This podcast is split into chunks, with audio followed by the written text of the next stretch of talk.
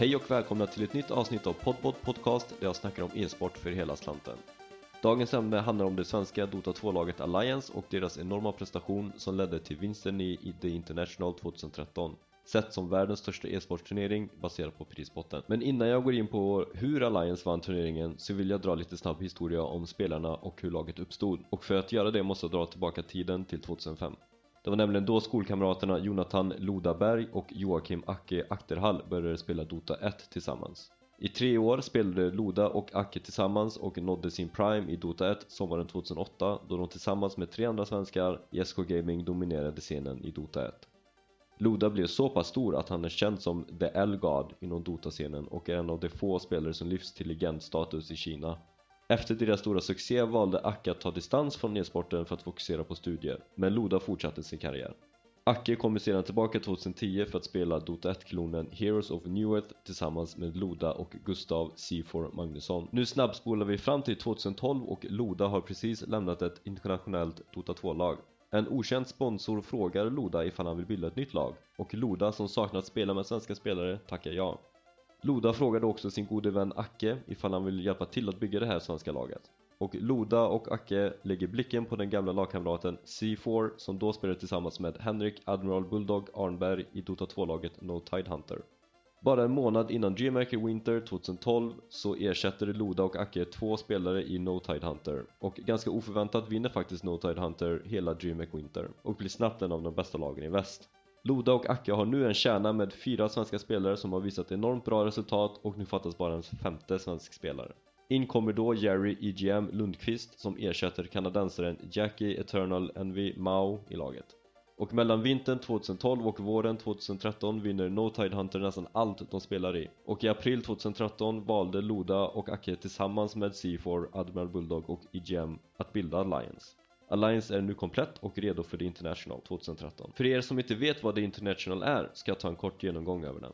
The International, även kallad TI, är en turnering som sker varje år sedan 2011. Huvudsponsoren är företaget Valve som också är skaparna till Dota 2. Både kvalificeringen och slutspel spelas i bäst av 3-format och finalen spelas i bäst av 5-format. Matchtiden varierar mellan 15 minuter till över en timme långa. Allt beror på taktik och hur riskfyllt lagen spelar. Varför just The International är så stor är för att de 16 bästa lagen i världen möts i en intensiv turnering där prispotten är på flera miljoner dollar. För att ge lite perspektiv hur stor turneringen har blivit under åren så var prispotten 2011 för första plats 1,6 miljoner dollar och första plats 2019 var 34,5 miljoner dollar. Enorma summor som får en att ångra sig lite att man kanske inte gav sig in på Dota 2-scenen som ung. Hur The International-turneringen får sin enorma prispott är tack vare sina fans och sponsorer. Som ett fan kan man köpa ett så kallat Battle Pass i Dota 2 för en summa pengar. I Battle Passet ingår kosmetiska saker till spelet samt lite andra extra funktioner och en virtuell biljett till The International-eventet. Med andra ord är The International som världsmästerskapen inom Dota 2 och det är den här turneringen Alliance kommer att vinna i augusti 2013. Trots att Alliance var ett nytt lag inför turneringen var de en stor favorit och de visade snabbt på varför. I sin gruppkvalificering gick de obesegrat 14-0 Ingen lyckades alltså ta ett, ett enda poäng från dem. I den andra kvalgruppen blev Navi som vann The International 2011 och kom tvåa 2012 gruppetta med 11-3. Många ansåg efter kvalificeringen att finalen kommer ske just mellan Alliance och Navi med tanke på hur starka båda lagen var. Alliance tappade sitt första poäng i turneringen mot Team DK i kvartsfinalen men de lyckades ändå vinna serien med 2-1.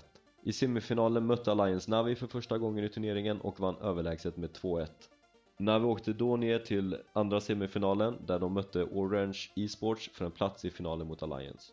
Det stod 1-1 i matchen mellan Navi och Orange Esports och det såg ut som att Orange Esports skulle vinna den avgörande matchen. Men tack vare en spelavgörande blunder av spelaren Lee Kyksik Kong Yang från Orange Esports vände matchen mot Navis förtjänst. Och efter en 50 minuter lång match tog Navi till slut vinsten. Vi är nu framme i finalen där Navi återigen möter Alliance. I första matchen tog Navi en stor risk och valde ett väldigt udda lag, vilket kostade dem då Alliance vann under 30 minuter.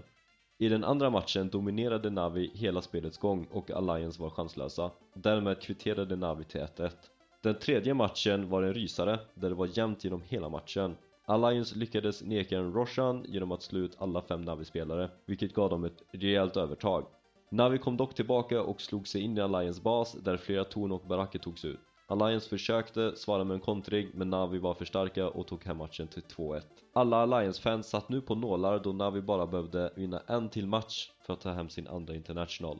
Men ändå fanns det krut kvar i Alliance och redan 5 minuter in visade de dominans. Navi spelade visserligen bra men kunde aldrig riktigt kontra och Alliance tog matchen till slut. Det står alltså 2-2 i matcher och det blir en sista match att spela. Det var också den första gången någonsin i The Internationals historia som en final går till sista matchen. Och matchen var perfektion. Varje manöver från ena laget möttes av en reaktion från andra laget. Det var en symfoni av strider utan dess like. Men Navi pressade till slut på Alliance baracker, vilket gjorde att Alliance svarade med att själva pressa mot Navis bas.